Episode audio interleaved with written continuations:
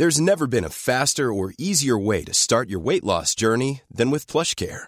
PlushCare accepts most insurance plans and gives you online access to board-certified physicians who can prescribe FDA-approved weight loss medications like Wigovi and Zepbound for those who qualify. Take charge of your health and speak with a board-certified physician about a weight loss plan that's right for you. Get started today at plushcare.com slash weight loss. That's plushcare.com slash weight loss. plushcare.com slash weight loss.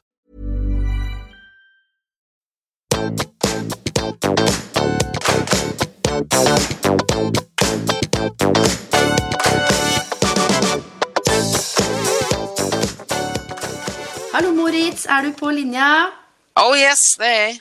Du, det er så utrolig hyggelig at du har tatt deg tid til å være gjest på denne podkasten. Og vi skal jo rett og slett eh, bi oss ut på et sånt lite karriereportrett, en liten karrierereise.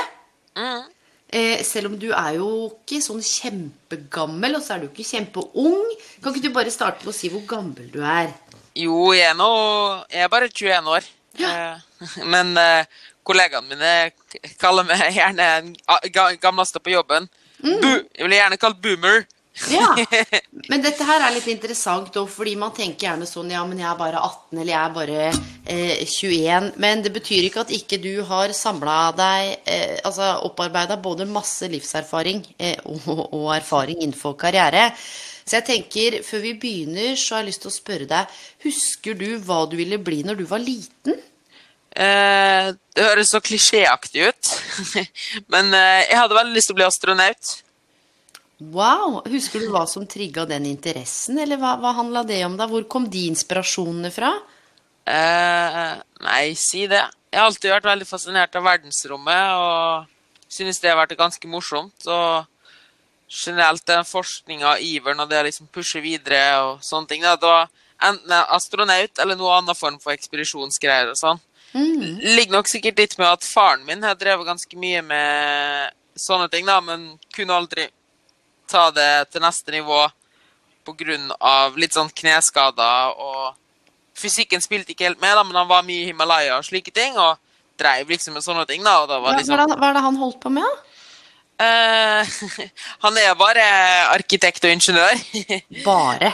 Eller, ja, bare. Men um, han er det, da. Men på fritida så brukte han hver frie ferie egentlig på, på å reise til Himalaya eller, eller Argentina, ned der i Sierra Leone Nei, eh, ah, jeg husker ikke hva det heter. Men i hvert fall alltid på forskjellige ekspedisjoner og slike ting. da, Det var liksom det han brukte hvert fri, friminutt på. Det er litt morsomt med eh, historie at eh, når jeg ble født, så fikk han litt panikk.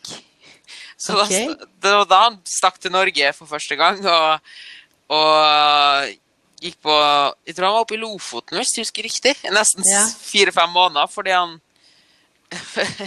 Fordi han fikk litt Det var litt mye med unger, da. Ja, ja, ja. Men, men hvor er faren din fra? For du har jo et litt unikt navn. ja, eh, begge foreldrene mine er fra Tyskland. Ah. Mm. Men du er født og oppvokst her? Nei, jeg er født i Tyskland, i Øst-Tyskland, men Ja. opp, oppvokst i Norge, da. Ah, ok. Så faren din, han var, han var ikke bare bare. Altså han, han hørtes ut som han har hatt en interessant eh, karriere. Så det hadde kanskje noe å si, da. Sånn, eh, bare for noe av det som du sa helt i begynnelsen, dette med astronaut. Men hva skjedde videre på, på skolen? Altså fikk astronautdrømmen leve videre, eller var det noe annet som gjorde at du fant noen nye retninger? Eh, ganske lenge så var jeg veldig ivrig på slike ting, altså astronaut og slike ting. Eh, alltid hatt en veldig sånn akademisk retning. For å si det sånn, altså hele familien min er jo akademikere. Eh, det vil si mye matematikk, mye faglitteratur, slike ting. Alltid vært glad i matematikk, naturvitenskap. Veldig nerdete. har Alltid vært favorittfagene mine opp til til og med tiende klasse. Og også på videregående skole så gikk det så langt at jeg til og med begynte en bachelor i astrofysikk. Ehm, og så bytta jeg retning, da. Eh, og da er jeg hvor jeg er nå i dag, da, så det var egentlig ikke før siste liten skulle jeg si at jeg bare skifta retning. Til da Hva er det som gjorde at du skifta retning da, i siste liten? Nei, si det. Det vet jeg faktisk ikke helt. Det var nok bare magefølelsen. Um, eller Hvor lenge, hvor lenge hadde du holdt på med denne bacheloren i astrofysikk, da? Nei, det var ikke lenge. Det var Altså, tankene var der, og drømmen var der i to år. Mm. Og så gikk jeg der ei uke, og så var det Nei, dette her var ikke noe for meg. Men du, det må jeg si er veldig modig at du etter en uke liksom kjenner på det. For noen ville sagt sånn herregud, du må stå i det, og du må bare holde ut. Og, men så tenker jeg sånn noen ganger, når vi veit, så veit vi bare. Ja. Ikke sant? Um, men snakket du med noen om det, eller var det bare en avgjørelse du tok liksom helt på egne vegne? Um, akkurat det valget snakka jeg nok ikke om med noen eh, før det da jeg bare innså det når jeg var der. Og da gikk det ei uke der jeg bare Jeg trivdes ikke i det hele tatt og tenkte Kjempa veldig mye med meg sjøl. Er dette noe jeg skal fortsette med, eller er dette noe jeg skal la gå? Og det er jo det er jo prestisje i familien min. altså Jeg hadde jo kommet inn på bachelorstudiet på NTNU, da, på astrofysikk, og var jo klar og hadde bøker, vært på Ikea og kjøpt møbler og interiør, og leiligheter på plass, og, og hadde bodd der en uke, og så bare Nope. Mm. Når du snakker om det nå, hva, hva kjenner du liksom? Tenk, kjenner du liksom sånn stolthet, eller hva, hva Eller sorg, eller akkurat nå når du liksom ser tilbake, da? Akkurat akkurat nå så tenkte jeg litt sånn Shit, det hadde vært gøy å se hvor jeg hadde vært nå. Mm, For at jeg, jeg, Vi er jo digitalt, men jeg ser jo kroppsspråket ditt. Eh, og jeg så en sånn, eller jeg skal ikke si hva jeg så, men jeg observerte en eller annen undring, eller at tankene på en måte førte deg Eh, Mens du snakka til meg, så førte tankene deg et, et litt annet sted, og det var det jeg blei litt nysgjerrig på. Ja, nei, jeg hadde jo nå sakte, men sikkert vært inni og skrevet bacheloren min, da. Hvis dere har kommet så langt. Fordi det er jo det som På ene siden hadde det vært veldig veldig kult å ha den bacheloren, da. Fordi jeg er veldig glad i å videreutdanne meg og slike ting. Mm. og jeg setter veldig høyt, da, faglig utdanning.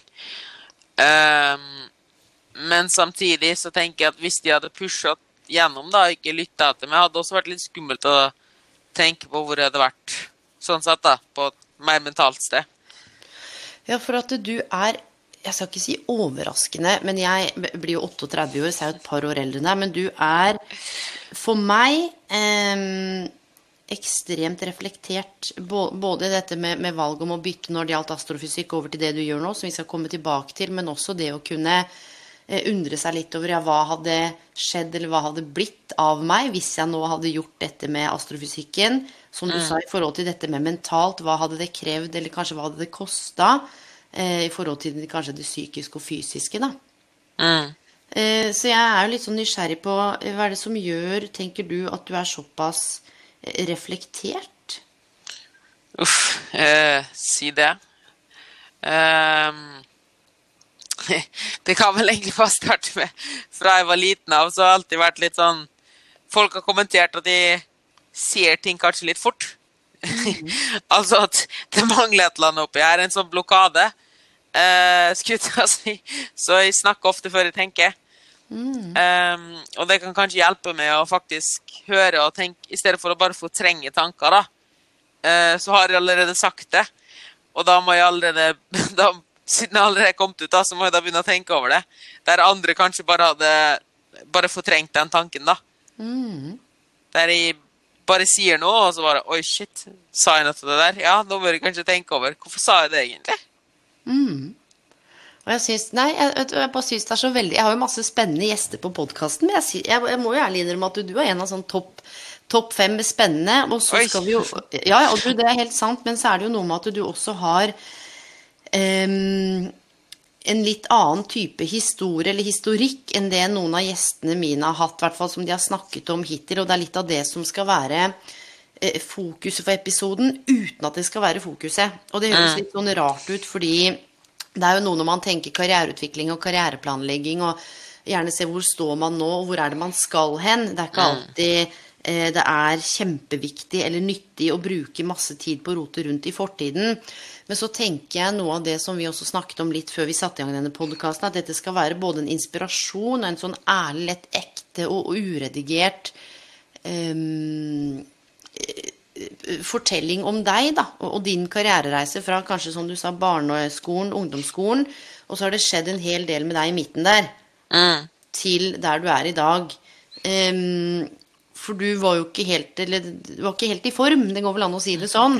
Går det an å si det sånn, ja? Ja, og jeg, jeg vil liksom ikke vi, jeg, vil ikke ha mine ord på din historie. Kan ikke du bare starte der du kjenner deg komfortabel, eller det du tenker kan være eh, nyttig eller viktig for lytterne, da? Å ta del i. Ja. Det er jo um, Sparke i låvdøra, skulle jeg si. um, det er litt vanskelig å si, fordi eh, Vi sa jo allerede at fra jeg var liten av, så har jeg alltid hatt dette akademiske. En parallell til det så har jeg alltid vært veldig glad i idrett, da. Eh, og det har egentlig bare vært helt naturlig i familien min. altså Fra jeg var liten av, da, så tvingte jo foreldrene mine meg ut på skitur og den der. Så da, de var jo fra den fasen Nei, nei, vil ikke, vil ikke, nei, nei, nei. Til da Jeg vil, da. Og da var det de som pusha det, liksom. Um, drev ganske lenge med fotball. Var relativt god også, vil jeg si. Til en viss grad. Jeg var nok Ja, jeg var jo alltid med de som, de som var lengst på løkka og spilte mest. Og spilte for G16 når jeg var G14 og slike ting, da. Eh, sammen på skolen, som sagt. Har alltid toppkarakterer og slike ting. Alltid vært den personen, da. Alltid vært liksom den folk kom til å spørre og slike ting. Um, og sånn har jeg ikke noe sånn press. Jeg tror det bare var naturlig i familien min at det var sånn. Uh, broren min var helt lik. Kanskje det gjorde det litt, det òg. Um, og så var det vel egentlig bare det at det virka så rart, fordi jeg tror det starta sånn i sjette-femte klasse. Eh, så skjedde det noe som var litt rart, da, fordi jeg var alltid to hakk fremfor alle andre, både fysisk og mentalt. Sånn karaktermessig og fotballmessig og slike ting. Og så kommer den der fæle puberteten, da. Eh, der i kroppen min sa Nei, nå, nå skal du vente litt. Så jeg holder liksom den der barnekroppen, den lubne Ja, la oss kalle det valpefett, da, og slike ting. Og det er litt lemma og sånn er jo litt Altså når man er i den alderen, så er jo ting litt uproporsjonalt og slike ting, da. Definitivt. Eh, men de andre i alderen min, da, som var liksom de andre sånne high achievere, da, blei utvikla så veldig greit fysisk. Eller øynene mine virka ut som de utvikla seg veldig fort fysisk, da. I tillegg så var jo broren min, han er fem år eldre enn meg, han var jo da forbi den fasen, så han så ut som en mann. Um, og jeg tenkte sånn, hva, er det som skjer? Hvorfor, hva de gjør feil? Hvorfor uh, Alt annet funker jo. Men kroppen min henger ikke helt med. Så da begynte jeg å få liksom, et sånn fokus på kroppen, ble litt mer usikker på det. Og latent sånn i sjette og sjuende klasse begynte jeg å tenke litt mer på mat og sånn. Da jeg tenkte hm, hvis de andre begynner å få sixpack og sånne ting, hva de gjør feil? Spiser for mye, kanskje? Ehm, og begynte da sakte og sikkert å egentlig bare Helt ubevisst, egentlig bare uh, å spise mindre, samtidig som at de trente mer og jobba mer på skolen. Fordi sånn som det har vært tidligere, så har jeg alltid forstått sånn at desto mer du jobber, desto mer resultat får du. Sånn har det alltid vært. Og da var det ganske logisk i øynene mine at OK, du må bare jobbe hardere. De andre, du er bare lat. Altså, vi ish, tok det ikke til med at kroppen din bare er litt treig. Eh, at det tar litt tid, liksom. Mens de andre Altså, det trodde jeg også jeg kunne løse bare med å jobbe hardere, da. Så da trente jeg mer, jobba hardere på skolen, eh, spiste mindre. Og sånn fortsatte det egentlig bare. da, Snevra litt mer og mer. Og ikke før jeg kom i åttende klasse, sjuende og åttende klasse, så kom det da et tidspunkt da, der vi mm, Der jeg hele veien da bare latent jobba litt mer, jobba litt mer, spiste kanskje litt mindre og slike ting.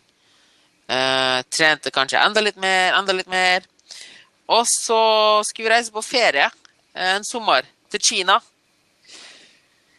Eh, I og familien min, da. Og det var sånn Det var, vil nok si at der bikka det over, da. Før det så var det Det var noe et problem, det var en utfordring, men ikke noe sånn der som liksom vistes veldig, da. Jeg var fortsatt en vanlig gutt, liksom. Uh, som trente mye, da. Spiste litt for sunt, kanskje. Uh, og så kom, reiste vi til Kina, og der var det det at Nå var det ingen rammer. Det var ingen restriksjoner, på en måte, for ellers hadde du fortsatt da, da hadde fotballtrening, da, da hadde skole. Du får liksom litt den der um, uh, Hva skal jeg kalle det? Den der mentale Eller den godkjenninga liksom, Hvis du har vært på skolen da, fra åtte til to, så får du liksom en sånn der tommel opp, du har gjort jobben din, bra jobba. Og så liksom på fotballtrening fra fire til seks, så får du også tommel opp, bra jobba. Du får liksom Nå er du ferdig, på en måte. Men når vi da reiste til Kina, da, så var jo alt mitt eget ansvar for første gang. Altså med tanke på trening og sånne ting. Eh, jeg hadde ikke så rammene lenger, da. Mm. Og da var det sånn OK, jeg må bare jobbe mer og mer og mer. Nå er sjansen min til å ta gjennom andre. Og, da, og samtidig så er det ganske lett når du reiser med foreldrene dine eh, og er i et, et, land som Kina, der det er ganske varmt og slike ting, og si sånn Nei, jeg er litt kvalm i dag. Jeg vil ikke ha, mid jeg vil ikke ha min spise. Eh, nei, dette var rar mat. Jeg vil ikke spise. Mm. Så da snevra det veldig fort inn, og da begynte den nedoverspiralen veldig fort. da. Gikk vel ned ti kilo i løpet av den sommeren. Mm. Uh, trente hver dag på hotellrommet. Svetta jo enormt, for det var jo så varmt. Og var jo på hvert treningssenter som fantes, og løp og tok situps og slike ting. Mm. Uh, og spiste nesten ingenting, da. Uh, og det var da i sommeren etter 7. klasse, så før jeg på videregående. Uh, og som sagt, det var en ganske lang prosess som kom snikende, men så kom det litt som et pang, da. Mm. Uh, og da begynte vel også foreldrene mine å se det virkelig, da.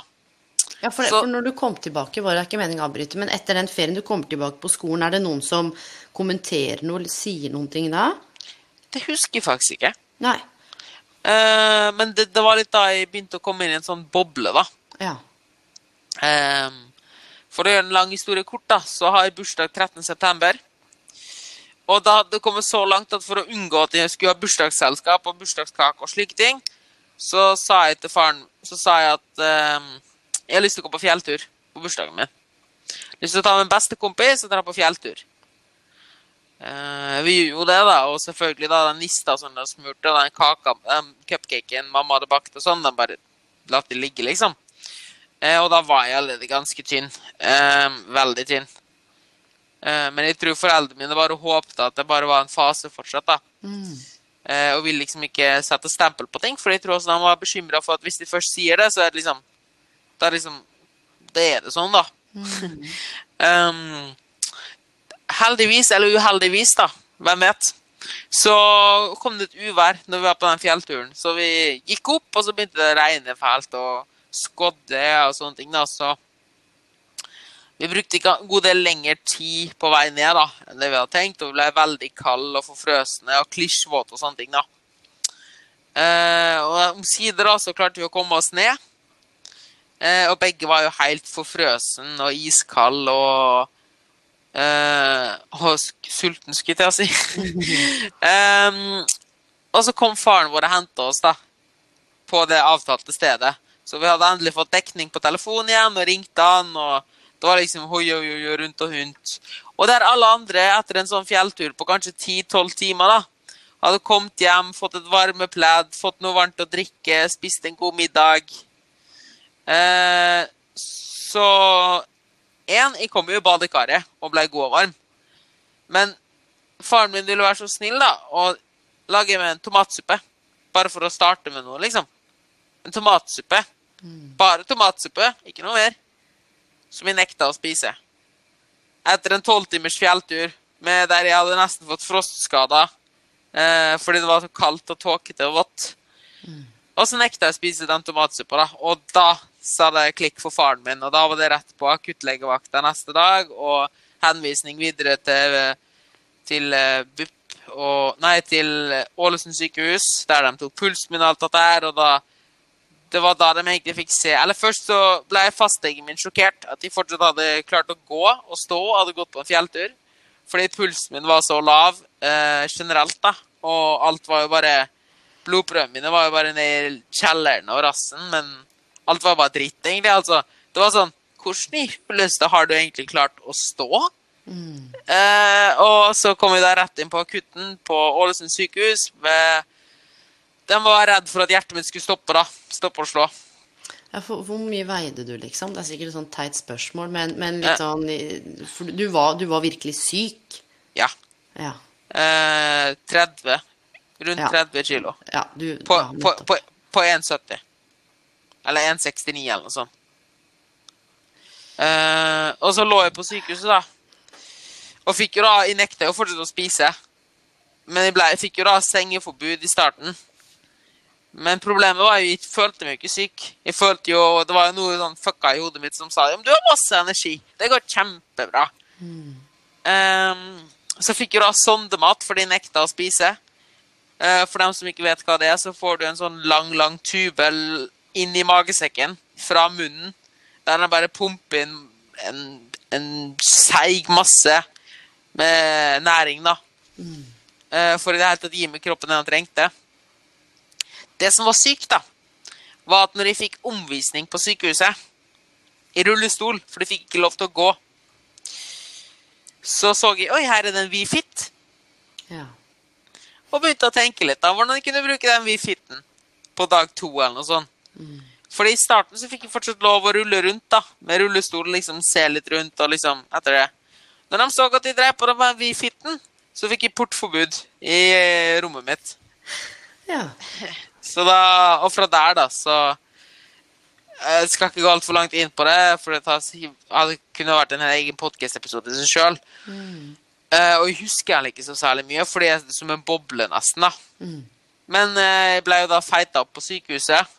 Altså, ikke, ikke på en negativ måte, men bokstavelig talt. Altså akkurat Ja. som du gjør med griser. Bare poppe inn og trykke inn.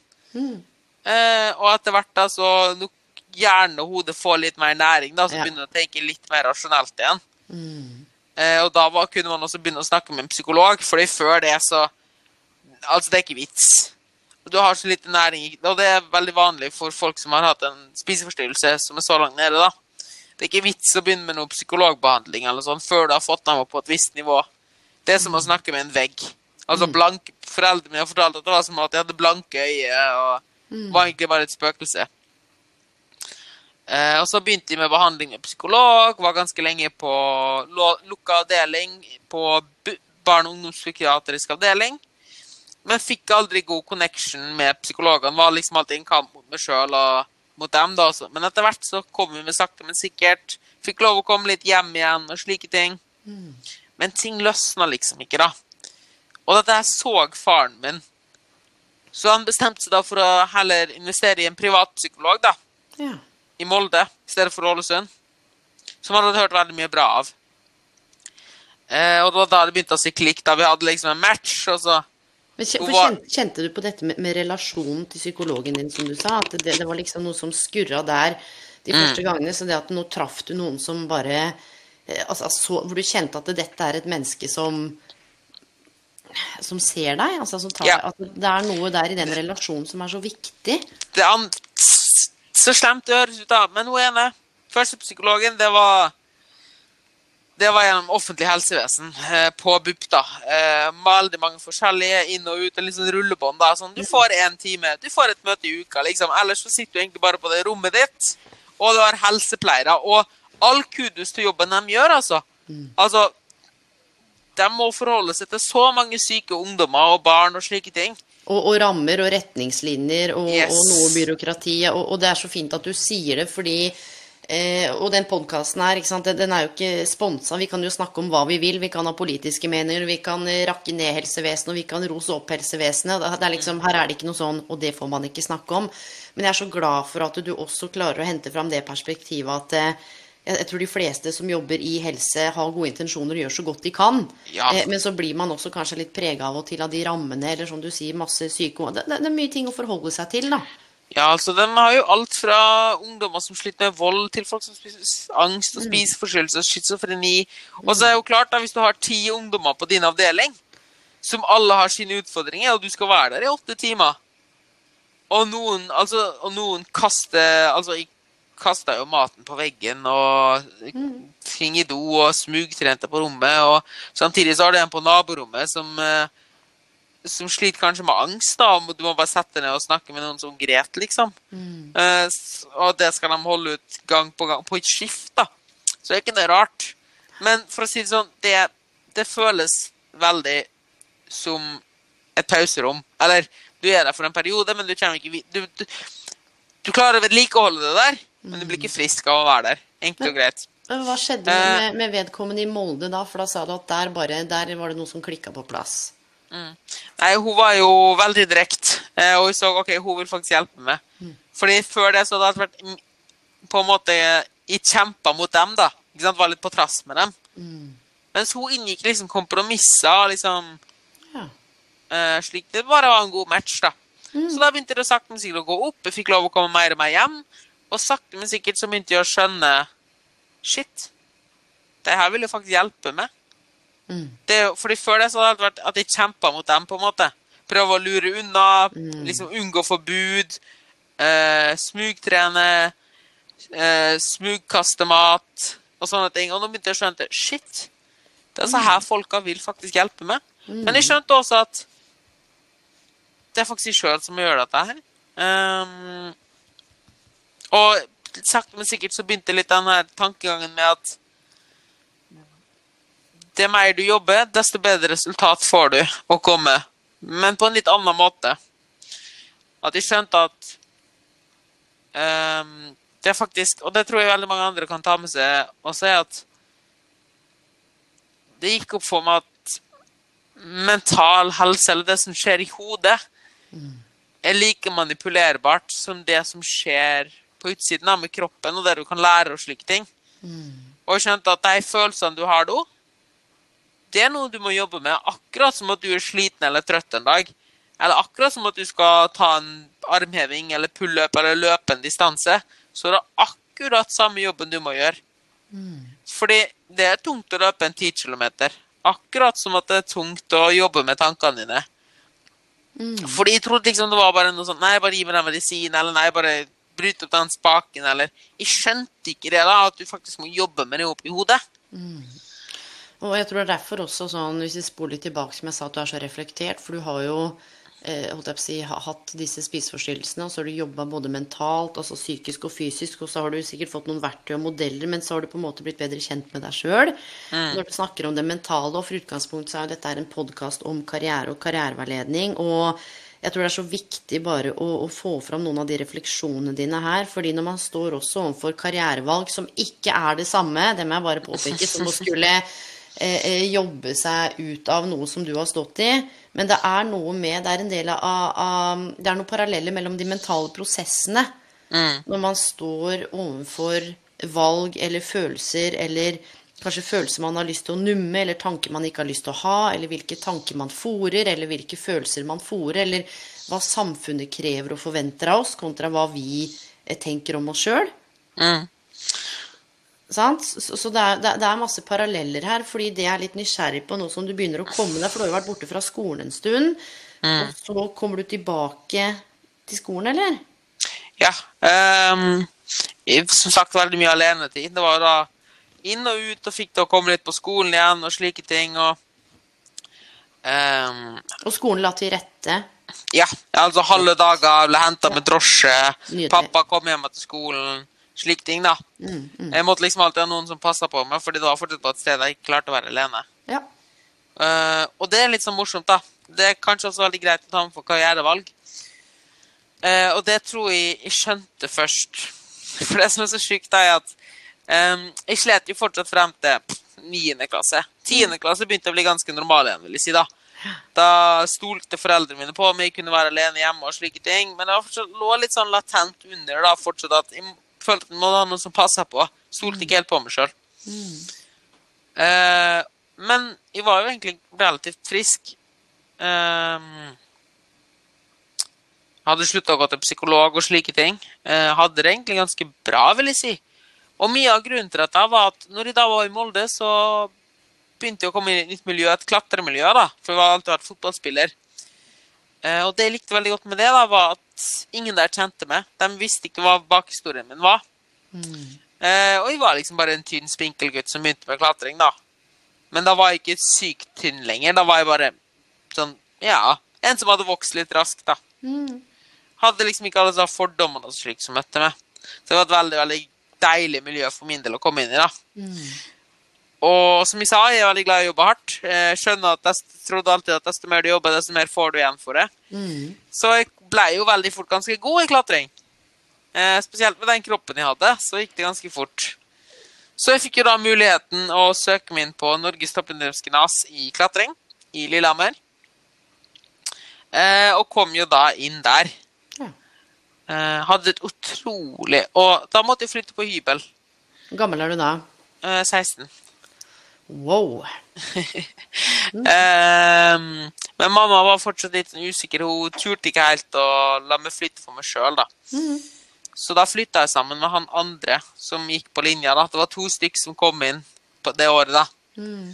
Ehm, og det var litt morsomt, for det var sånn Igjen da vi bare hoppa i det. Vi møttes én gang før vi flytta sammen. Ehm, eller vi møttes én gang, og så spurte jeg du vil du bli med en tur på ferie til Tyskland, bare for å bli bedre kjent. Til bestemora mi. Ja ja, men det fikser vi. Og så var vi der to uker, og så bare du, vi Foreldrene dine kjøper leilighet, og så leier vi oss det. Så var OK, og så gjorde vi det, da. Og hadde egentlig helt fantastisk tid sammen. Altså, Folk trodde jo vi var brødre. Vi var match made in heaven. Um, og jeg vil si at jeg har aldri hatt det så gøy og så bra som jeg hadde det de to ett og et halvt første åra på NTG. Mm. Toppidrettsgymnas. Med klatringa og sånn. Og kom med, var med på diverse cuper, nordisk og litt sånn forskjellig. Og gjorde det egentlig ganske bra. Problemet var jo litt igjen dette her at han var så jævla mye bedre enn det jeg var. Eh, og det ville jeg bare ikke innse og akseptere. Men han, var, han er liksom Han er et beist, liksom. Han tar Han tror han tok rekorden hans var pullups med 50 kilo ekstra, eller noe sånt. Altså, jeg vet ikke om du har snakka eller hørt om Magnus Midtbø. Forestill deg Magnus Midtbø bare litt yngre. Og det var, han var liksom bare helt sjuk genetisk. Men han var ikke høy på det sjøl. Det var liksom bare i hodet mitt at jeg tenkte «Ja, jeg må ta han igjen. jeg må ta han igjen, jeg må ta han igjen. Jobba jo da mer og mer og mer og mer. og mer. Eh, Alltid litt ekstra etter hver økt. Alltid litt ekstra her. Som da til syvende og sist, som alle vet, som, eller som ofte skjer da i toppidrett, er jo da at du blir skada. Igjen og igjen og igjen og igjen. Og jeg tenkte jo da ok, når jeg er skada, så må jeg jobbe hardere med andre ting. Jeg ble mer og mer isolert igjen. Uh, Jobba mer og mer for meg sjøl. og det siste året på NTG, eller et og et halvt siste året, så hadde de datt veldig tilbake igjen i den bobla mi. Da, at liksom, du, er, du er ikke bra nok, du må jobbe hardere, jobbe hardere, jobbe hardere på skolen. Du, du fortjener ikke å ha fritid. Slike ting, da. Og kjørte meg sjøl i grøfta igjen, som jeg tror veldig mange sliter, kan slite litt med. Ja, og det var akkurat det, sprøtt, akkurat det når du snakka nå, så tenkte jeg sånn eh, Hvis vi liksom tar den, den bobla di og bare plasserer den i en sånn lite parentes, da, eh, og, og snakker om akkurat dette med Du er ikke bra nok, dette fortjener du ikke, du skal prestere på solen, du skal klare Altså alle disse tingene du beskriver eh, som jeg tror veldig mange, og det er ganske mange unge lyttere her også, som kan kjenne seg igjen i. Eh, og så er det så lett kanskje for en voksen eller for noen, eller å si sånn Ja, men du, dette går fint, eller bare skjerp deg, eller bare tenk positivt. Du det derre bullshittet. Eh, Sorry at jeg sier det, men det pisset som man tror hjelper. Er sånn ja, ja, men eh, bare skjerp deg, eller ta deg sammen, eller Dette bare, slapp av, du. Det har ikke så mye å si. Ja, nei, og det er akkurat det. Du stresser sånn, eller Og det der å forstå at, at intensjonen er god, men det, det er jo ingen måte å skape eh, relasjon eller connection på. Hvis du hadde sagt dette til meg, så hadde jeg sagt ja, men herregud, du skjerp deg. Du trenger bare å slappe av litt, du, vet du. Ikke sant? For det er så mange Det, det er følelser, og det er mekanismer, og det er så mye som ligger der. Og hva vil du si til de unge, da? Uten å bruke litt dette 'bare skjerp deg', eller litt sånn bullshit som vi snakker om nå. Hva, hva til de som lytter, da, som står for, Og litt av poenget hvorfor jeg ville ha deg som gjest, og én ting er historien din, men du er ung, du har tatt et karrierevalg, og så har du bytta. Det er altså så mye alvor og stress og press forbundet med dette med å skulle velge karriere eller utdanning, at folk blir jo nesten sjuke. Hva, hva- og sånn var det ikke når jeg var ung. altså Det var ikke like mye valg. Men nå spør jeg deg, eh, uten at du veit at jeg skal stille dette spørsmålet, men hva er dette stresset og presset og maset? Hva, hva handler det om, og hvordan kan vi få inn litt mer lekenhet og letthet og, og ro og litt mindre alvor? Jeg tror veldig mye av det handler om at fra du går på VG, nei, egentlig ungdomsskolen, så begynner de å snakke om det viktigste valget i livet ditt. Eh, det er- begynner liksom videregående skole, skal du ta yrkesfag eller studiespes, eller og så videre. Og så sette dette her på en 14-åring.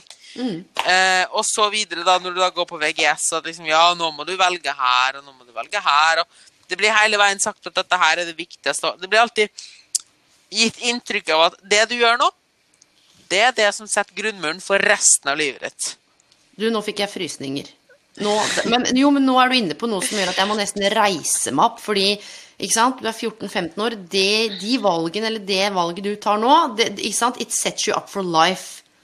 Og det er jo Jeg, jeg skjønner at det, altså det kan være lurt å fullføre videregående, det er ikke det, men det er noe av det største bullshitet jeg veit om. Altså, Ja. jeg, jeg har jo møtt folk som ikke har tatt høyere utdanning før de var 30. Jeg har møtt folk som er 60, som ikke fortsatt veit hva de skal bli, men har hatt fantastiske karrierer.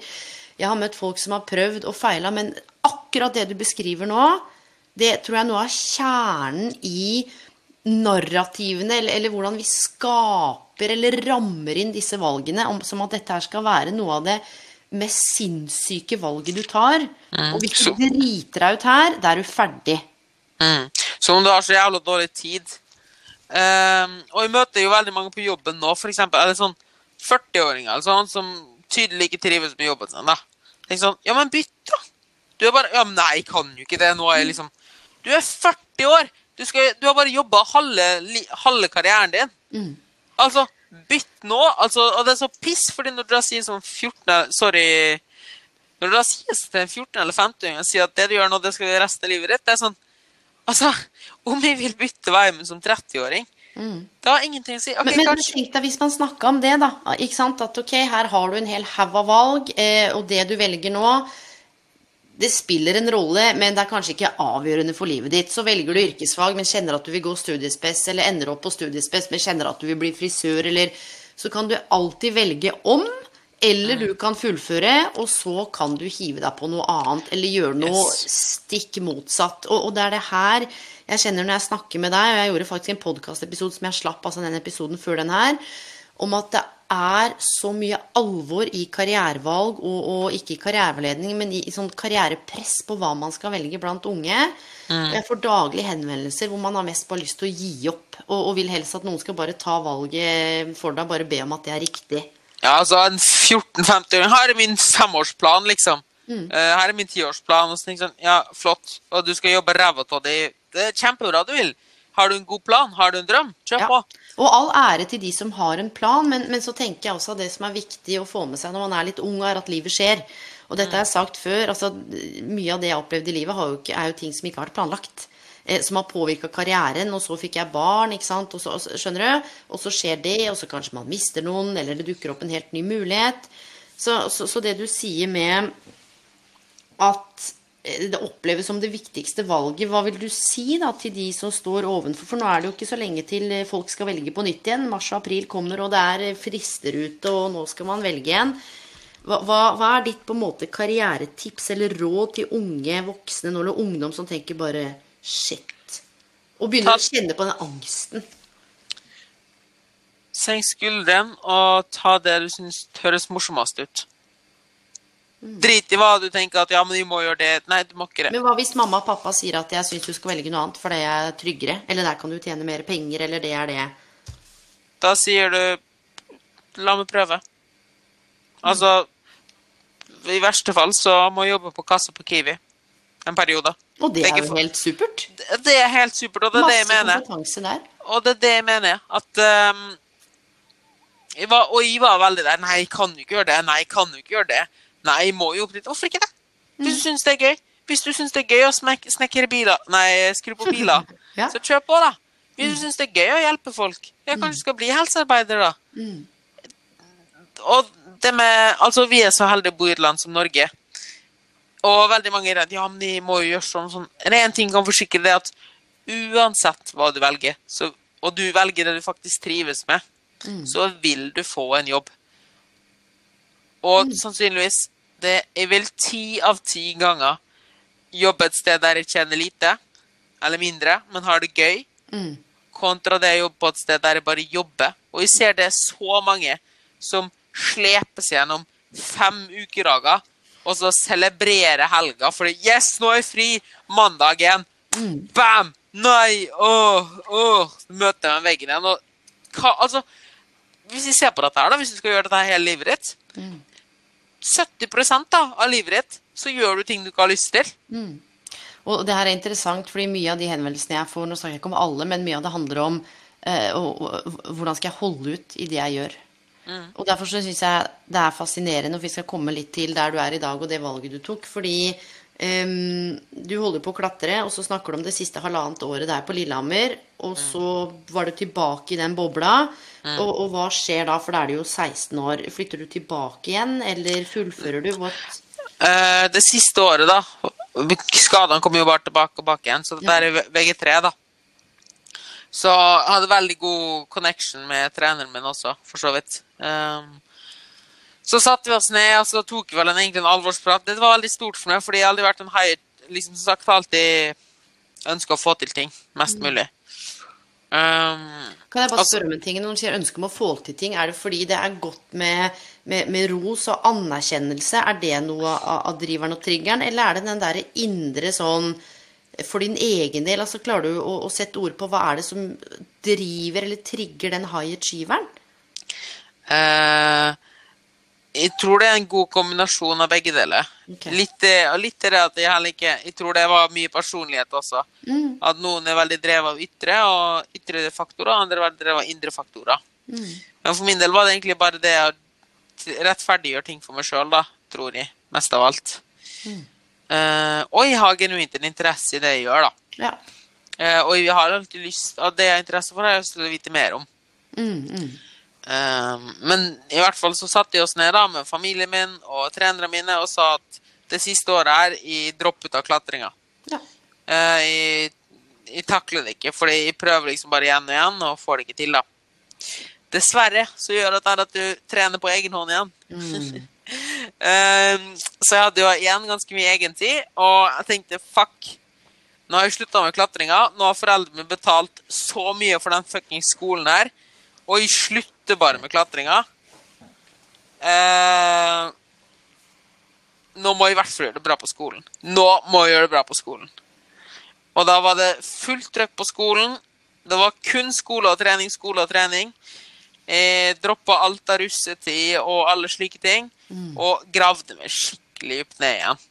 Eh, og tenkte bachelor astrofysikk, rett inn, toppkarakterer. Jeg hadde et snitt på 5,6, tror jeg. Nei, eh, 5,4. Mm. kom inn, og da Men liksom du fullførte videregående med Ja, ja. top notch, liksom? Ja, og fikk toppidrettskarakter, og fikk liksom For de var inne i trenerrollen og fikk den diten og sånn, da. Men snakket, Var det noe karriereveileder på skolen din, eller var det noe eh, karriererådgivning, eller var, var det noe tilbud om det? Ja, til en viss grad.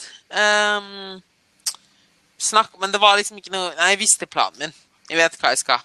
Ok. Eh, har ikke tid til dette her. Nei. Uh, Bortkasta tid, det. Ja, ja. Og, og altså, det var altså i hodet mitt der og da. ja. Um, men jeg hadde en veldig, veldig god ah, lærer i fysikk og realfag. Og han så liksom potensialet mitt og var kjempekul og grei. Og Du, hva, het, hva, he- hva heter læreren? Det er så viktig å gi shout-out til gode lærere. Leif Martin Thorvaldsen Hvor er det han var læreren da? Eller er? eh, i Lillehammer på NTG.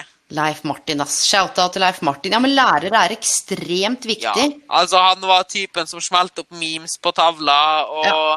hadde liksom interne vitser med hver elev og spurte liksom hvordan det gikk med katten til Turi. og Skjønner hvordan? Det gikk Det med... der, det fyller hjertet mitt med sånn eh, enorm kjærlighet når jeg hører det. For den, den, rollen der er altså så sykt viktig. Og bare det å spørre åssen det går med katten til Turi, det kan jo virke så banalt, men det er kanskje essensen i noe av det å være medmenneskelig, da. Ja, jeg hadde genuint interesse i det Ja. vi drev med. sånn, ja, 'Hvordan var det på klatretrening i dag?' 'Å, kult! Hvordan gjør du det som alpinist?' Og, så han er.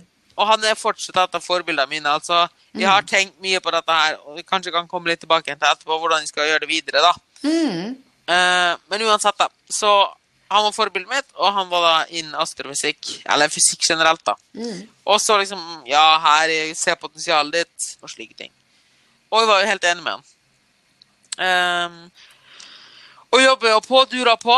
eh, var da ferdig på NTG. Og litt samme igjen, da. Akkurat samme som jeg reiste til Kina. Så når jeg da var ferdig på NTG, så forsvant jo alle rammene. Ikke sant? Nå hadde den tida der jeg hadde eget ansvar, forsvunnet litt igjen. Så når det var ikke noen som passa på meg, så bikka det over igjen. Så da reiste, var vi på Det som skjedde, da, for å ta det veldig kort, så reiste vi til Tyskland. Eh, I og familien min, og da var jeg jo sammen med tre, ekstremt mye trening, veldig varmt, slike ting. Og heldigvis, da, vil jeg faktisk si i dag, så skjedde det igjen en sånn Jeg fikk en blodforgiftning, da. Uh, gudene vet hvorfor.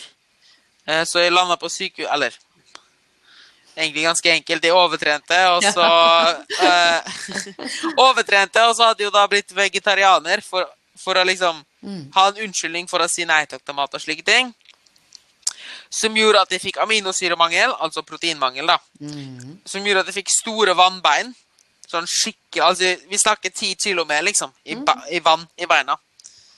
Jeg bare dura på med trening og tenkte fuck, hva det dette i beina mine? Var på, og da var jeg sånn gjerne veldig lite irrasjonell, nei, rasjonell igjen, da. Tok jeg eh, sånn en neglesaks og stakk bare et lite hull i leggen min for å se. Bare hva som var i det, for det var veldig rart at beina mine skulle være så tykk. Og så tøyt de ut vann. Men denne saksa var jo ikke eh, sterilisert eller noe som helst. Så jeg fikk jo blodforgiftning da, og landa på sykehus, akutten igjen, og da bare ikke sant, Da ble jeg revet ut av alle tvangstanker og rutiner og sånn, fordi du var sengeliggende, bondefast i senga. Og da bare Fuck, hva de driver med? Hva i huleste er det de driver med, Moritz? Fordi det ble liksom revet av alle rammer. Um, og jeg lå liksom der en uke og bare tenkte. Og bare tenkte. Eh, så ville jeg egentlig bare hjem, da. Så da reiste vi hjem etter det. Uh, men jeg skulle jo følge planen min. Og, men jeg kjente veldig veldig fort da når jeg da var i Trondheim, at Moritz, hvis du fortsetter med dette her nå, Astrofysikken, altså ast astrofysikken, så Du kan ikke bli den bobla di. Du, du, du, det blir Altså, du kan ikke fortsette med dette her. Fordi jeg kjente på det presset igjen, og kjente på det at Rett og slett at jeg klarte ikke å være alene der og gjøre dette her alene. Og da måtte jeg bare Den der eh, treårsplanen som jeg hadde lagt, da, de tre åra egentlig at jobba mot det bachelor, var dette går ikke. Dette er en del av det som gjør at du alltid er tilbake igjen til gamle til gamle mønster, da. Er den der greia med at du skal være så god på skolen, du må være dette, du må kunne dette her. Men det at du klarer å, å se det på egen hånd og ta det valget etter en uke, for da flytter du hjem, da, eller? Uh, nei, det turte ikke. Nei. Eh, jeg flytta til Hvor var jeg først hen, da? Søren. Jeg, flytt, jeg tror jeg flytta rett til Ålesund. Og begynte å jobbe i en klatrehall der. Um, Og nå, og nå er du jo 18 18-19? ja. Ja. Og der må jeg si at etter Tyskland så flytta jeg altså rett til Trondheim. Jeg var ikke innom hjemme. Det, jeg hadde for dårlig samvittighet og turte ikke. Eh, så da var jeg i Trondheim en uke. Eller to, da, for jeg flytta jo dit. Og så flytta jeg til Ålesund. Eh, Jobba en klatrehall der. Og da begynte jeg egentlig, da jobba jeg som trener. Da begynte jeg å se shit. Fordi da visste jeg egentlig ikke helt hva jeg skulle gjøre. Helt ærlig. Snakka du med noen da, eller bare gikk du med de tankene aleine? Sånn, jeg vet ikke, men gikk, jeg gikk egentlig med dem helt alene. Eh, og så tenkte jeg Uten at jeg helt søkte litt trygghet igjen, da, men turte ikke å hjem til foreldrene mine. For jeg hadde enormt dårlig samvittighet pga. spiseforstyrrelse. NTG feiler på NTG. I mine øyne feiler. Eh, du, Har du, snakka noe med dem om det du sier til meg nå? ja. Ja. I etterkant så er det det. Kjempefint, for det, det tenker jeg er, er bare Det var godt å høre. Du kunne ha svart nei, og så hadde jeg ikke helt visst det var sagt. Men jeg kjenner at den podkasten her er litt sånn uredigert, så jeg må, jeg må si de tingene som, som kommer til meg når du snakker. Ja. For det er, jeg, jeg tror mange kan kjenne seg igjen også, kanskje ikke igjen, da hvis vi Det er ikke for å ta bort alvoret i dette med spiseforstyrrelse, men hvis vi igjen setter det litt sånn på siden, men, men dette med å ta valg, at mange kan kjenne på dårlig samvittighet over at foreldrene har brukt penger, eller man har gjort et eller annet, og eh, Og så er man så redd for å skuffe foreldrene eller få dårlig samvittighet. Så da enten så står man i det, eller så tør man ikke komme hjem, eller man eh, og, og det der har jeg liksom sett, sett en, en, del ganger også, og det er jo ikke noe god følelse, og så er det ikke sånn at det er foreldre altså det, er, det er ikke noen sin skyld her, det er ikke det, men, men det er en litt sånn uheldig Det er ikke noen god situasjon å være i. Nei. Uh, og i hvert fall altså Akkurat der og da så visste jeg egentlig hva jeg skulle gjøre. Ikke i det hele tatt. Så da spurte jeg Eller tenkte jeg hva er den eneste plassen jeg kan dra tilbake igjen hvor jeg er trygg? Mm. NTG. Leif Martin. Uh, spurte han igjen, da, om det var mulig å jobbe som vikarlærer på NTG. Uh, eh, og så sa han ja, det må jo Han visste jo hvem jeg var, og rektoren der visste jo hvem jeg mm. var, og jeg hadde jo et godt miljø der. Uh, og reiste da tilbake til Lillehammer, da. Vinteren. Det var da på vinteren, altså på sommeren hadde vi vært på NTNU, og så var det litt sånn turbulent periode med Ålesund og jobbing litt der frem og tilbake. Mm. Og så reiste de til Lillehammer, da. Og flytta dit. Og begynte å jobbe som vikarlærer på NTG. Eh, men turte ikke å dra på klatresenteret, faktisk. Og det For det er rett og slett litt den samme dårlige samvittigheten. Jeg følte jeg hadde ødelagt noe, da. Mm. Og jeg tenkte at nei, nå må jeg starte noe nytt. Mm. Og så den dårlige samvittigheten, tenker jeg, mye av den er jo ofte oppgjort i eget hode. Mm. Det var jo det. Ja, og, med, og, det kanskje, og, det skjønner man jo ikke, det er ikke så lett å se når man står oppi det, men det å tenke sånn Vi bruker så mye tid på å tenke hva alle andre tenker og føler og mener om oss, mm. og så er det noe og... som ikke har noe rot i virkeligheten, men det er liksom det derre Alle de det ene er hva, hva, vi kan kontrollere og ta ansvar for, også når det gjelder karrierevalg, eller hva vi har følt at vi har mislykkes eller lykkes, eller hva det er. Og det andre er alle disse tankene om hva alle andre tenker og mener om oss, som 99 ja. av gangene ikke henger på greip. Og det er noe Det som skjedde, da Jeg hadde fortsatt uh, Når jeg flytta til Lillehammer, først var lærer der, så var det vel første gangen noensinne at de At da ting faktisk begynte å skje. Ordentlig begynte å skje. For det, før det så hadde det vært sånn Det hadde alltid vært sånn, litt sånn svingning. Sånn veldig bra, veldig dårlig, veldig bra, mm. veldig dårlig.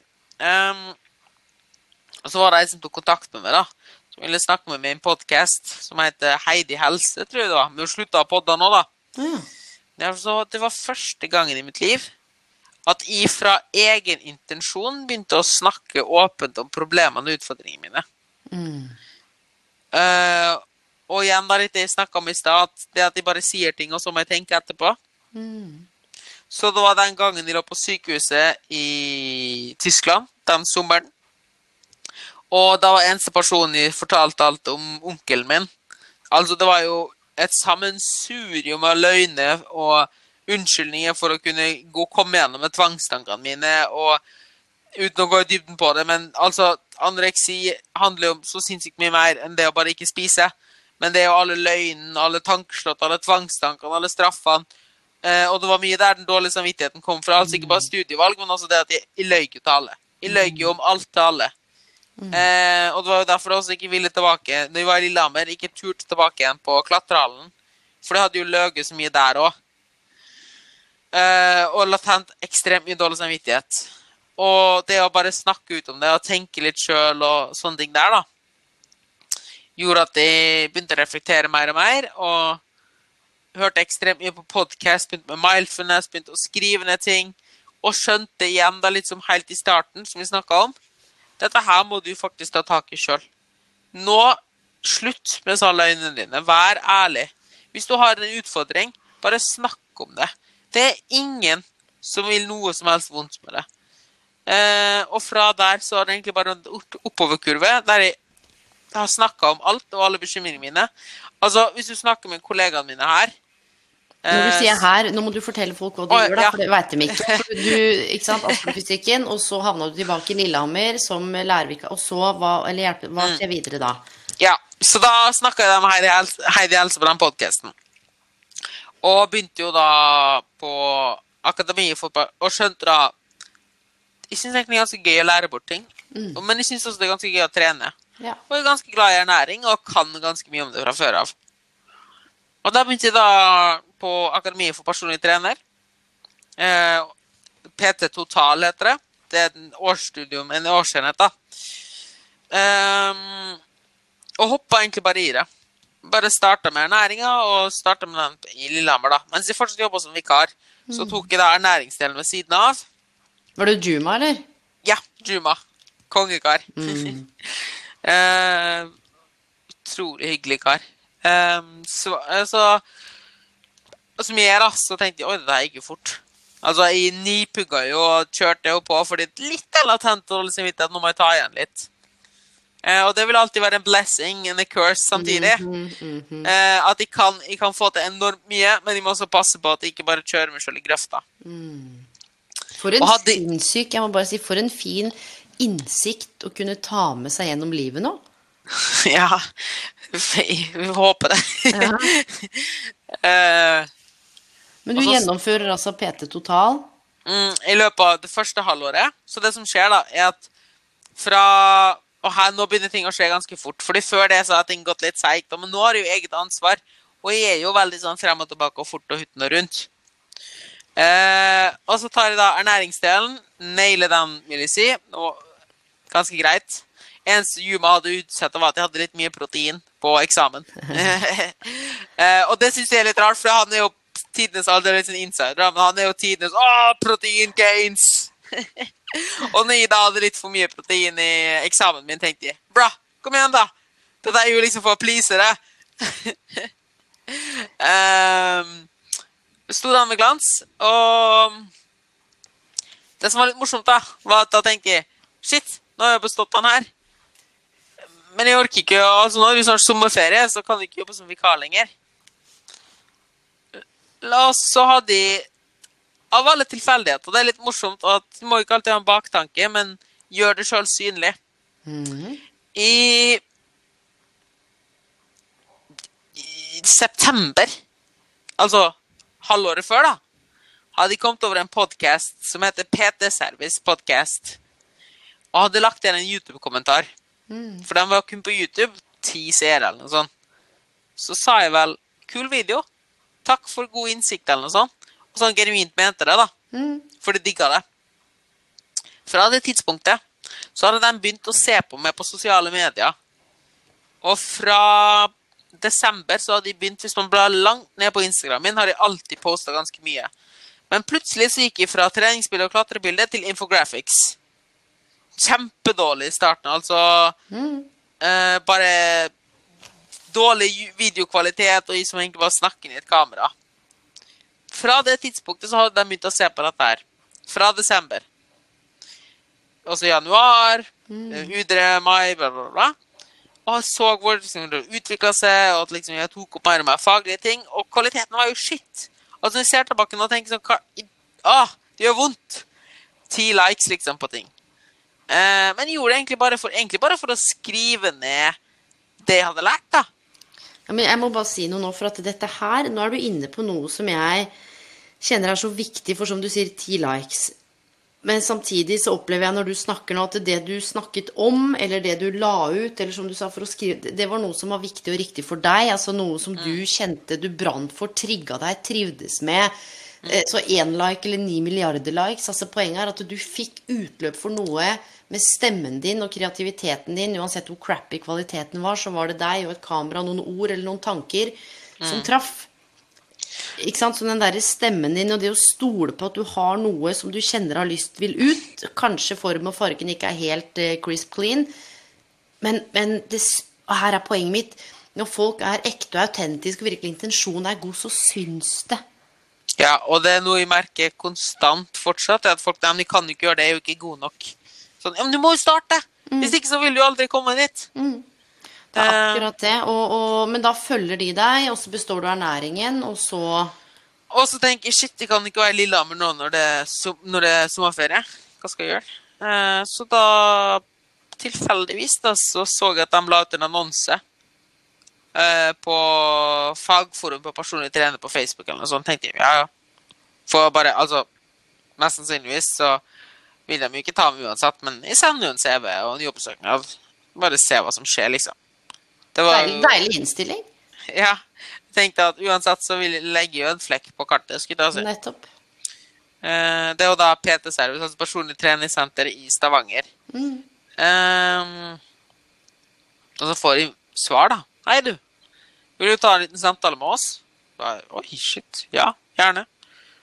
Eh, og jeg tror de ble litt overraska, for de sa bare at de bodde i Lillehammer. Og i, igjen da, jeg bare Og da hadde de som sagt gått inn i innstillinga. Dette her hele halvåret skulle være 100 ærlig om alt. Så jeg bare sa med dem hvordan det var. Jeg har slitt med anoreksi. Uh, jeg er ung og dum, skulle jeg si. Har bare holdt på med dette her et halvår, men har jo drevet med toppidrett i tre-fire år, trent hele livet mitt og slike ting. Og bare sa egentlig alt som det var. Så jeg var en litt skrullete kar og like ting. Og tydeligvis da så digga de dette her. Og sa ja, hvis du vil, så kan du jobbe her. Og så pakka jeg sekken min og fløy til Stavanger, skulle jeg si. Fant meg leilighet. Og nå er du der og bor der? Ja, eh, og starter jo da altså med null grunnlag. Altså her er, for det som er, er at du får ei stilling som personlig trener, eller det jeg har nå. Um, og så må du bare bygge det opp. Eh, og se hva som skjer. Altså, jeg har frie tøyler. Jeg kan gjøre det jeg vil med folk, uh, sånn sett. Men vi bruker liksom lokalene til PT-service og sparer med dem, og vi lager liksom konsepter. Og vi samarbeider jo helt klart. Ja, ja. Men sånn Men du må, du må bygge butikk i butikken. Dette er, ditt, Yes. dette, dette er din business. Yes, nøyaktig. Eh, og begynte jo egentlig da bare å jobbe med folk, og selvfølgelig noen kunder får det jo via liksom dem som bare tar kontakt lokalt. Eh, og begynte å bygge meg opp da, eh, den sommeren. Og de ble sjukt overraska, fordi jeg fikk fem nye kunder i sommerferien. Fem nye store medlemskap i sommerferien. Og for å si det sånn, så er liksom ikke sommerferien det er prime time for PTA. Mm. Og det var litt sånn Oi. Hva driver han karen med der, liksom? Ja, hva drev du med? Nei, jeg var egentlig bare meg sjøl. Du, og dette Eh. her, jeg må bare, ikke sant, og dette her høres så flåsete ut, men bare, bare de siste minuttene du har snakka nå, hvor du snakker om å være ærlig, sier at du er litt skrullete, du har vært åpen om anoreksi, altså, tror du ikke at hvis, hvis arbeidsmarkedet og samfunnet, altså hvis man hadde vært litt, og nå sier jeg ikke at alle er sånn, hvis, man hadde, hvis det hadde vært rom for å være litt mer nedpå, og Ja. si sånn, du, den jobben her er drømmejobben, men jeg er faen meg usikker på om jeg egentlig helt skjønner alt jeg skal gjøre, men jeg er villig til å lære. Eh, I tillegg så har jeg slitt med det, eller jeg har trøbbel med det, men det jeg har lært er, gjennom å håndtere dette her, eller stå i den dritten, så har jeg skjønt at det, aha, og dette kan jeg ta meg inn i jobben, istedenfor å fremstå eh, så innmari glansete, og det ser jeg med sånne influenser og sorry, ass, men når det er så mye glitter og glam, vet du hva, og overflaten er så strøken. Det er ingen, med kanskje unntak av elleve stykker i hele verden, som har et så strøkent liv. Og, og akkurat det du beskriver nå, da Det at du tør å være så ærlig og dra ned litt av de murene, som jeg kaller det, og slippe folk litt inn og se Det er litt skrullete, og jeg har hatt noen issues her og der, og kanskje et, stort issue som var liksom anoreksien, som du sier. Eh, men that's ok. Altså, du har liksom made peace with it, og det syns, da. Og, og, jo, jo, men forstår litt hva jeg mener. Og det Ja. er jo en sånn sinnssyk ekstra eh, kompetanse å ha med seg ryggsekken. Sorry at jeg sier det, er kanskje ikke så lett å skjønne når man er liksom 15 og det er litt kaos, men hva det har gitt deg av innsikt nå. Og ikke bare det, for det skal jo ikke definere hvem du er og karrieren din, men alt det andre du også er og kan og har gjort. Alle valgene du har tatt, men bare det å kunne si til meg at jeg er litt skrullete. Det gleder meg å høre, Moritz, fordi jeg er dritrar. Eh, og det er en sånn befrielse å kunne bare Og sånn er det bare. Jeg kan fortelle en litt morsom historie, da. Um, fordi det er obviously Altså, mat har alltid vært en issue for meg. Eh, og sånn som det nå, for eksempel, så jeg, veier fortsatt hvert gram jeg spiser. Ja. Bare fordi det gir meg en sånn Det gjør at jeg kan nyte maten jeg spiser, da. Ja. Altså, jeg har ikke et problem med å spise sånn, men det gir meg mental trygghet. Bare Ja. sånn sett, da. Eh, og jeg er veldig introvert. Og det er Eller ja. eh, jeg tror, liker å tro det, i hvert fall, da, men alle andre Hæ, du er introvert? men i hvert fall, da, så Det som er ganske vanlig når du er på ny jobb, er at kollegaene spør om du skal bli med ut på jobb, jobbmiddag. Ikke sant? På The Shack, da. Det er sånn veldig kjent burgersjappe. Nei um, oh. Ja, anyways. Det, det var ikke The Shack, det var et eller annet Et eller annet Et spises. kjent spisested i Stavanger som var veldig veldig god burger. da. Så spurte de vil du bli med og spise burger. Vi serverer alt. Så sa jeg nei. Ikke faen. Jeg vil ikke bli med ut og spise burger. Og de bare hæ? Og Dette stresser meg mer enn det det er gøy for meg. Det der er, og det er noe jeg har innsett nå når det er noe du ikke må gjøre. Eller det er veldig få ting du faktisk må gjøre i livet. Og ja, ok, iblant så må du gjøre ting, men som regel så har du et valg. Og det er bare, hvis du har en god grunn til å ikke ta det valget, og de bare sa nei Det er ikke på grunn av dere. Hei, jeg er veldig glad i dere. Det er ikke det det handler om. Men det handler fullt og rent om meg sjøl at det stresser meg mer, og vi er veldig ubehagelige i den situasjonen, så det vil jeg faktisk ikke være med på. Beklager. Og så, OK. Den ble jo satt ut, men altså, dette snakker vi om første jobbuka mi, da. Ja, men så tenker jeg, ok, Det at folk blir satt ut, eller det at du ikke ønsker, hvordan folk reagerer. ikke sant? Og dette her er litt sånn viktig. Hvordan folk reagerer, det har jo ingenting med deg å gjøre. Det handler jo om den rammen jeg har, eller hvordan jeg tenker at det skal være å være ny på en jobb. At rammen er, eller forventningen er at da skal man gå ut og spise burger. Så, så, så min reaksjon handler ikke om at å shit, Moritz han er skrullete, han skal ikke være med ut. Men det handler om at det, det har ingenting med deg å gjøre, men det har noe om hvilke rammer og forventninger jeg har om hvordan ting skal være. Ikke sant? Og det å skille det med deg som menneske, da. Og, og grunnen til dette her da, var litt som vi sa igjen, det med den åpenheten. Fordi nå ikke sant? De sa jo i stad at de flytta veldig mye rundt og slike ting. Og det var jo fordi igjen og igjen hadde ødelagt miljøet i Vai på grunn, eller ikke ødelagt, men i hodet mitt ødelagt det, på grunn av at jeg hadde bygd opp et løgneslott. Av at de måtte nå deg og deg forventningen, for vi måtte gjøre sånn, så de måtte finne deg og deg unnskyldningen. Og det var noe jeg nekta å gjøre igjen. Så jeg skulle være ærlig om alt. 100% ærlig om alt. Det jeg sleit med, det sa jeg. Det at Når de spurte hvorfor gjør den treninga, nei, det er en tvangsrelatert trening. Eller hvorfor gjør dette? Nei, fordi jeg syns det er gøy. Hvorfor gjør du sånn og sånn? Nei, fordi det er sånn og sånn. Eh, alltid ærlig, fordi jeg var så lei av å bygge opp så der eh, løgnslåtter og liksom bygge opp falske forventninger og forhåpninger. Jeg var bare ærlig om alt. Og det var det jeg hadde gått inn for, og det har jeg fortsatt med hele veien.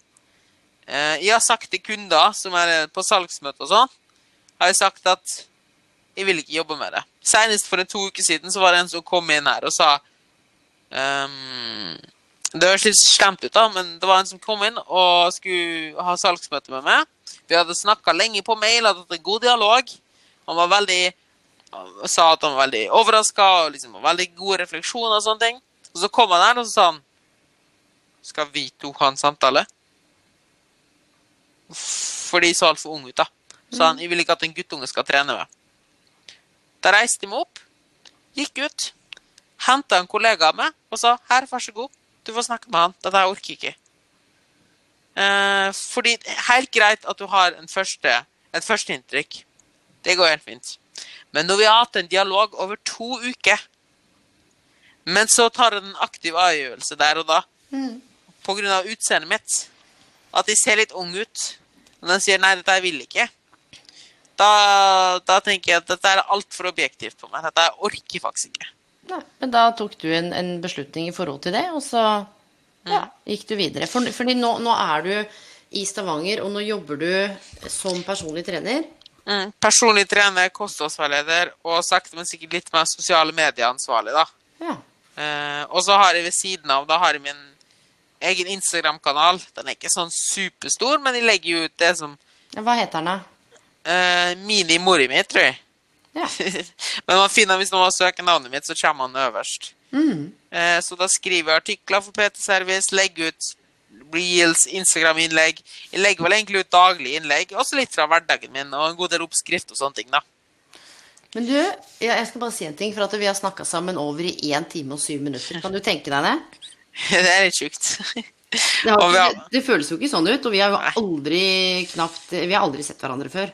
Vi har hatt en veldig kort eh, prat på telefonen, og det var det. Yes. um, og det jeg har lyst til å si, er at uh, dette er en av de mest interessante episodene jeg har hatt. Og det handler både litt Oi. om alderen din, og litt om bakgrunnen din, og refleksjonen din, og nettopp den ærligheten. Mm. Uh, og det tenker jeg altså fra et karriereveiledningsperspektiv, og noe av det som jeg også står for, er litt sånn no bullshit. Mm. Eh, og det handler om å være direkte, men også være, kunne være direkte og ålreit på en smart måte. Ja. Men, men, å ta betalt for tjenester eller sitte og snakke med folk og bare drive og sulle og fortelle folk det de skal høre, det kjenner jeg at det har jeg veldig lite tro på. Og Så må man jo skape det samarbeidsklimaet som vi også har gjort nå. Nå har jo vi mm. Uten å egentlig vite om det, så har vi skapt en relasjon og en kjemi hvor det har vært eh, mm. trygt og godt enkelt for begge to. Og vi ser hverandre selv om det er digitalt. Så det jeg har lyst til å si sånn avslutningsvis, er at eh, jeg er overbevist om at eh, tankene dine og det du har stått i, eh, og det du har delt og, satt ord på, vil være en sånn enorm inspirasjon til både unge og voksne. Men så lurer jeg også litt på, sånn avslutningsvis eh, Hvor ser du for deg på en måte veien din går videre? Og nå snakker jeg ikke sånn hvor er det om ti år, men kjenner du på at ok, nå er jeg akkurat her, nå er jeg i nåtid, her skal jeg være? Eller kjenner du at du har noe som kribler litt sånn der fremme, at du har noen tanker? Det er litt morsomt du spør det, fordi det kan jo hende det er fordi vi visste at vi skal ha på det i dag. At jeg gjorde det underbevisstheten. Men i går så hadde jeg eh, en av eh, tidligere sjefsradiologene eh, på eh, universitetssykehuset. da. Han er en fast kunde hos meg. Eh, han er vel sånn Jeg er i hvert fall en overlege da, på sånn Vi har en god del av dem her. Altså på 50 år, da, så spurte jeg han du, kan jeg stille et spørsmål? Eh, og så spurte jeg Så bare snakka jeg litt om han da, hva jeg ville i fremtiden, for det er litt usikker. Eh, og det har jeg egentlig reflektert litt over, fordi jeg har jo nå gått et år og tenkt jeg må ta en videreutdanning. må ta en videreutdanning. Du må jeg, ta videreutdanning? Eller? Ikke sant. Okay. Ikke sant. Um, men det jeg har merka ved siden av det, mens jeg har tenkt shit, jeg må ta en utdanning, så har jeg jo samtidig fullført rehab, rehab trainer for AFPT, mm. bare ved siden av. Men jeg, men det driter vi i, fordi vi skal ta en ordentlig utdanning. Så jeg har jo egentlig hvert halvår vi, tatt et videre kurs, et halvårskurs, mm. eh, videreutdanninger, snakka med alle foreleserne på HFPT, bygd opp en bransje og sånne ting. Men hele tiden i hodet ja, men vi skal bare videre. Litt seinere. Og så innså jeg egentlig fuck, hvorfor det? Mm. Så da Jeg trives jo her, og jeg bygger meg opp. Jeg må jo ikke hoppe videre til neste steg alltid. Vær nå her en periode. Mm. Så da kjøpte de med hva, hva, hva, er den trangen om å hoppe til det neste steget? Det er nok det at latent ikke er bra nok. Yes. Eh, og, og, dette det. må også hele tiden fylle på utdanning og kurs. Jeg sier ikke at det ikke er bra, men det, det nærer også litt den der med å hele tiden vite mer, kunne mer. Eh, og noen ganger så er ting bare eh, bra nok for en periode. Mm. Men hva er det du sa du kjøpte deg? Da kjøpte vi en leilighet her i Stavanger ja. eh, nå i vinter. Eh, og det jeg egentlig har slutta med nå, da, er at de kommer til å være her noen år. Uh, bygge opp videre i bransjen. Målet er kanskje at de skal samarbeide litt med AFPT. Mm. Eh, ta videreutdanning der, i hvert fall. Eh, hva med han overlegen, da? Var det noe i forhold til sykehus, eller hva? Ja, det var det, var det, nei, det, var det jeg snakka litt om mm. med han. da var litt sånn at Jeg, jeg egentlig bare reflekterte litt med han. at Snakka litt om Ja, bør jeg egentlig ta liksom en bachelor nå på si? Uh, eller bør jeg bare satse fullt på karrieren og, og, så bare ta det etterpå? Og da gikk det vel egentlig opp for meg at ta det litt ved siden av. Utdann det gjerne litt ved siden av. Men la det være trivselsbasert. Yes. Bare kjenn hva som kommer. Men hovedfokuset nå det er å bygge opp karrieren din og faktisk nyte det du gjør. Eh, og jeg måtte egentlig bare slå meg til ro at ja, ok, la oss si du gjør dette her i fem år. Da er du faktisk bare 26. Om du så begynner en bachelor etter det, men du har fem år erfaring med å jobbe i en egen bedrift, podkast, Instagram du skal, Jeg skal si deg en ting. Jeg starta på en mastergrad. Jeg ferdigstiller den nå. Deltid, da. Eh, og jeg er jo 38, så da kan du regne sjøl. Ja. Jeg, jeg, jeg, har tatt en bachelor i pedagogikk og en hel del andre ting. Men den tok jeg i 2007, og så venta jeg nesten ti år før jeg fylte på med en master. Ikke sant? Og, det, og det, er, dette er ikke noe fasit, men arbeidserfaring, praksis, gått på trynet, det å kunne virkelig hekte praksis og alle erfaringene inn i noe faglig forankra, det for meg har vært en, en gudegave. Mm. Det betyr ikke at ikke jeg hadde fått masse ut av det hvis jeg hadde tatt masteren med en gang. Altså Folk må få lov til å velge selv. Men jeg tror på det du sier nå, må noen ganger bare stoppe opp litt. Det betyr ikke at ikke man skal ha ambisjon, men det å stoppe opp litt og tenke sånn Ok, kanskje jeg skal være her i ett år, da, eller du har en femårsplan. Eh, og så deler man den opp i ok, første året 2021, andre året 2022. At man noen ganger tenker at det å være her jeg er nå, that's ok. Ja, det var litt morsomt, fordi tre måneder når jeg hadde begynt å jobbe på PT-service, så holdt jo Lloyd-sjefen min, eller kollegaen min, på å klikke på meg for de begynte å snakke om at de skulle videre og studere. Ja, ja. Og stikke av igjen, da. og han bare eh, og, Og det kan jo også være et mønster, litt sånn som du sa. Ikke sant? Ikke bra nok, hoppe videre, fylle på. Og det å liksom Og- forstå og- at dette er et latent mønster, da, for å bruke ditt ord, Mm. det, det kan være viktig. For dette handler om å se på linkene, eller koblingen, eller sammenhengen mellom hvordan du tar valg. Mm. Og helt ærlig så var det Det innså jeg gjerne at de gjerne har lyst til å hoppe videre og videre. Og det var mye av grunnen til at de kjøpte leilighet. For de skapte en forpliktelse for min egen del. Kjempe litt mot den irrasjonelle tanken om å hoppe videre. Eh, Og, det er ikke, og det er ikke nødvendigvis at det alltid er irrasjonelt å hoppe videre. Noen ganger så er jo det helt supert, men litt sånn som du beskriver også, at det må, må videre, det er ordet du bruker, og så ikke sant, fylle på hele tiden, og kanskje bare stoppe opp litt og tenke sånn Fy fader, jeg er jo helt rå. Se, på hva du har skapt, da. Du, for nå, nå er du der, og du har det bra. Der skal du være en stund. Men sånn avslutningsvis nå eh, hva, hva er dine beste karriererefleksjoner? Hva er dine beste karrieretips til de som lytter nå? Oi, eh, nå har jeg Vil jeg kanskje si at de har en karriere, da. Men eh, jeg tror det handler mye om Det er to ting, kanskje. Og det er én det at hvis du føler du må gjøre noe, så syns jeg du bør stoppe opp litt og tenke om om du faktisk må det. Eh, og gjerne hvis det er noe Hvis du må ta et valg fordi du tror du må, så er det ikke det riktige valget. Ehm, og vi går gjennom hele livet og tenker vi må, vi må, vi må gjøre sånn, vi må gjøre sånn, vi må gjøre sånn. Så tenker jeg, stopp opp litt og tenk litt, hva har du lyst til å gjøre? Uh, for det er faktisk, det er faktisk ingenting du må gjøre. Ok, du må, det, du må følge noen regler og lover, det må du. Men ellers så er det ingenting du må gjøre. Mamma og pappa de er like glad i deg om du jobber på Kiwi, eller om du leder Ja, om du leder Høyrepartiet, eller Det har ingenting å si. Fordi det, er faktisk ingen som går rundt i gata og går Og det bruker jeg også på vekt, for eksempel. Det er folk som kjenner til meg. Det er ingen som går og dømmer folk på vekta. Det er sånn, OK, du er 95-er, du, du er 95 kilos, du er en 104 kilos, du er en drittsekk, du er en grei kar. Det er heller ingen som går rundt og tenker sånn Å ja, OK, du jobber på kassa Eller hvis noen går rundt og dømmer deg for at du jobber på kassa på Sorry at vi tar frem kassa på Kiwi, men det er sånn vanlig, da. Eller bensinstasjon, eller et eller annet Eller søppelmann, da, for den saks skyld. Sånne ting som liksom er anførselstegn, og nå ser ikke folk det, men eh, er liksom dårlige yrke, anførselstegn, eller ikke bra nok, da. Så sånn, hvis noen dømmer deg for den jobben du har, og ikke pga. mennesket du er, så, så er det faktisk ikke en person som er vits å være med. Og det er faktisk nettopp derfor du ikke må gjøre noe. For hvis du tror du må gjøre noe for å bevise noe til andre, så, og de kun setter pris på det pga. det du har fått til, ikke hvem du er, så er det ikke vits å ha den personen i livet ditt. Hvis de dømmer det utelukkende på det. Så jeg tenker at det aller viktigste er gjør det du har lyst til å gjøre, og ta det gjerne litt tid. Men gi det også litt tid. Ikke bare hopp videre med en gang fordi du møter litt motstand. For det er også en litt sånn viktig ting. Um, gjør det Hvis du er usikker på et valg, da, så gi det litt tid, og gjør den harde jobben først, og så kjenn etter. For eksempel, da, bare sånn helt avslutningsvis Når jeg flytta til Eller når jeg bestemte meg for å ta bacheloren i Trondheim Jeg gjorde den harde jobben. Tre år på VGS.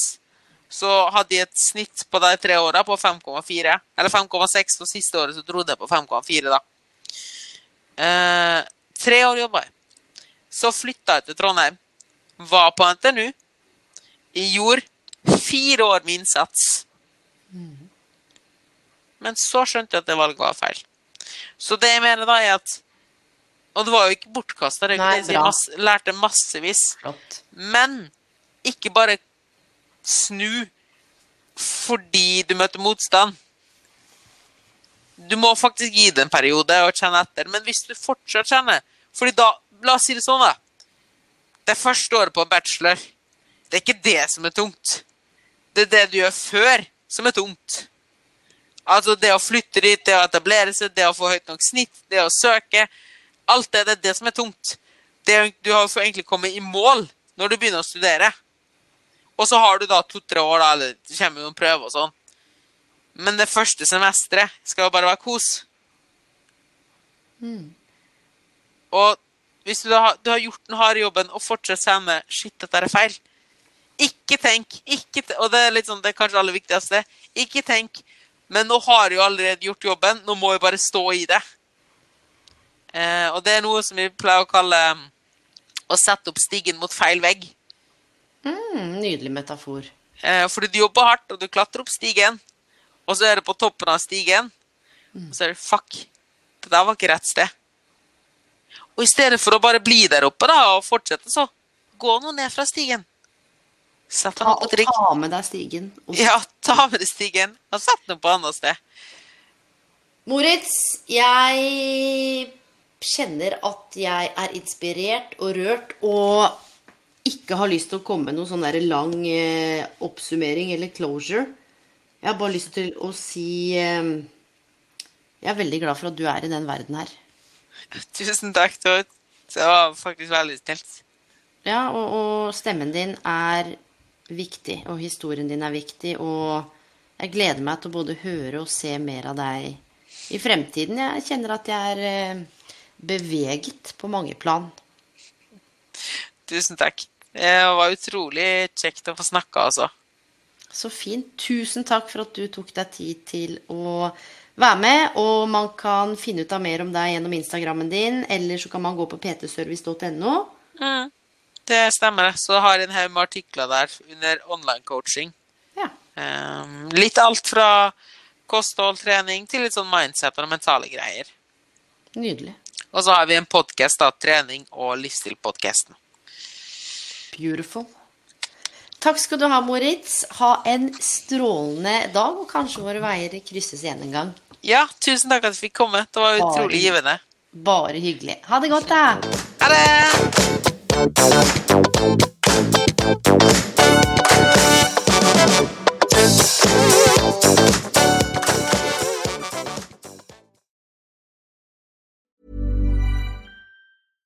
My business used to be weighed down by the complexities of in person payments. Then, Tap to Pay on iPhone and Stripe came along and changed everything. With Tap to Pay on iPhone and Stripe, I streamlined my payment process effortlessly. Now I can accept in person, contactless payments right from my iPhone. No extra hardware required. What's truly remarkable is how I can cater to all of my customers' payment preferences.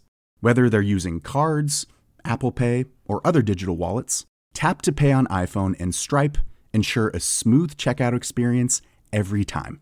And it's not just me. Stripe helps businesses of all sizes, from local markets to global retailers, scale quickly and stay agile. To learn how Tap to Pay on iPhone and Stripe can help grow your revenue and reach, visit stripe.com slash tap iPhone.